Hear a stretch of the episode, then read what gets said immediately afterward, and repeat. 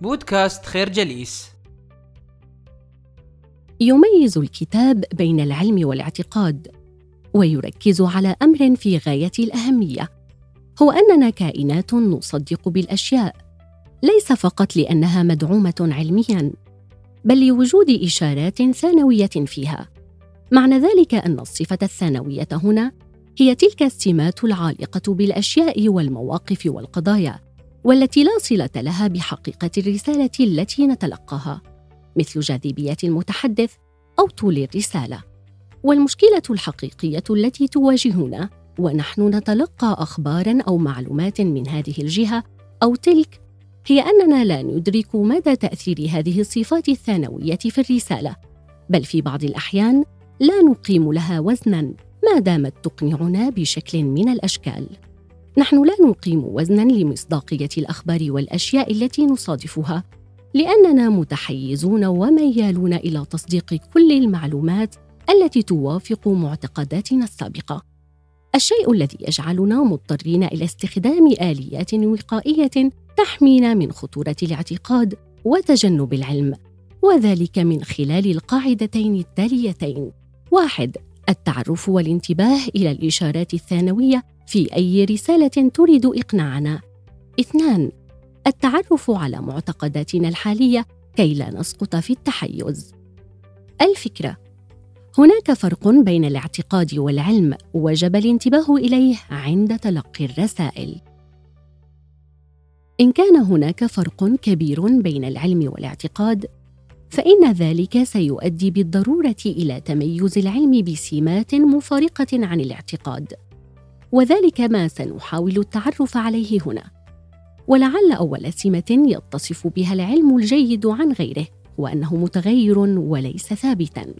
وهذا الأمر تمت مناقشته بشكل مستفيض خلال عصر الأنوار الأوروبي الذين كانوا يرون بأن العالم متغير ولكن رؤيتهم للعلم كانت ثابتة. وحسب هذا النمط في التفكير فإن الطبيعة كتاب مفتوح وجب فك شفرته.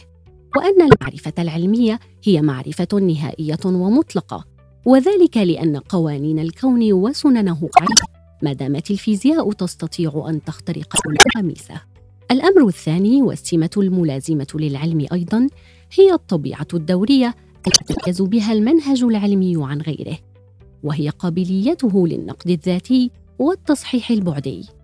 معنى ذلك أنه لا يجب أن نفترض فقط أن النظرية العلمية في زمن معين هي نظرية مؤقتة بل نفترض أيضا أن لدينا الإمكانية للتعديل والتصحيح والتصويب في أي لحظة تاريخية معينة. وكل هذا يساعد على بناء العلم وتسديد فرضياته بخلاف الاعتقاد الذي لا يتطور ولا يتقدم. الفكرة يتميز العلم بسمتين أساسيتين تميزانه عن غيره من أوجه الاعتقاد. كلنا معرضون إلى المزاعم والأوهام بما أننا كائنات عاقلة تحيا وسط هذا الكم الهائل من المعلومات والأخبار. وكما سبق الإشارة إلى ذلك فبالرغم من تطور البنية الذهنية للكائن الإنساني عبر آلاف السنين فإن هناك امورا تحملنا على تصديق الكثير من الأشياء بناء على أسباب ضعيفة وفي بعض الأحيان واهية وواهمة. ولعل أهم الدوافع التي تسوقنا بشكل متتالي نحو تصديق الزيف هو الخلط غير المقصود بين العلم والاعتقاد وعدم الإدراك الجيد لطبيعة العلم. يوضح الكتاب مجموعة من الأساليب العملية عبر خطوات تساعد الإنسان على تقييم السلامة العلمية للأشياء والأخبار والمعلومات التي يصادفها لعل أهمها تجريد الزعم وذلك بتجريد أحد المزاعم وصولا لمكوناته الأساسية قلب الزعم وذلك من خلال الاهتمام بطرق اتخاذ القرارات. مزاعم لا تستحق وقتك وذلك بفهم الزعم بوضوح. الفكرة معرفة المزاعم والدجل العلمي يتوقف على تطبيق مجموعة من الخطوات العملية. بالرغم من أن كلمة خبير وخبراء من الكلمات المتداولة في السياقات الإعلامية اليومية غير أن هذا لا يجعلنا نثق بشكل عشوائي في كل ما يقال أو يحاك ضد عقولنا. تعترضنا مجموعة من الإشكاليات المرتبطة بشكل المعارف التي نتلقاها منذ نشأتنا في هذا الكون. الأولى أننا كائنات تخطئ لأنها تفكر بشكل يقيني. فنقول أعلم ماذا يحدث في هذا النوع من المواقف. هذا الثبات في المواقف والخبرات الناتجة عنها يورثنا أخطاء فادحة ويجعلنا معرضين للمزاعم على الدوام. ثانيا هناك أسباب أخرى تجعل معرفتنا وخبرتنا قابلة ومهيئة للزلل كل حين وهي تذكر التجربة الماضية أو إساءة تفسيرها. ولأننا كائنات متحيزة ما تجعلنا هذه التحيزات عرضة للزلل والزيف ويسمى هذا النوع من التضليل بالتحيز التأكيدي.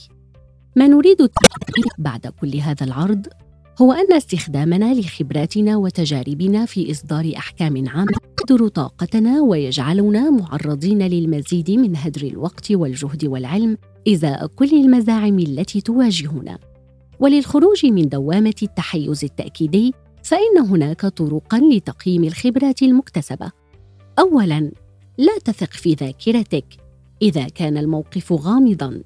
ثانياً، استخدام خبرات لتقييم مقترح تغيير. الفكرة خبراتنا ومعارفنا معرضة للزلل والزيف. لهذا وجب الانتباه إلى تحيزاتنا واعتقاداتنا السابقة. نشكركم على حسن استماعكم. تابعونا على مواقع التواصل الاجتماعي لخير جليس. كما يسرنا الاستماع لآرائكم واقتراحاتكم. ونسعد باشتراككم في البودكاست.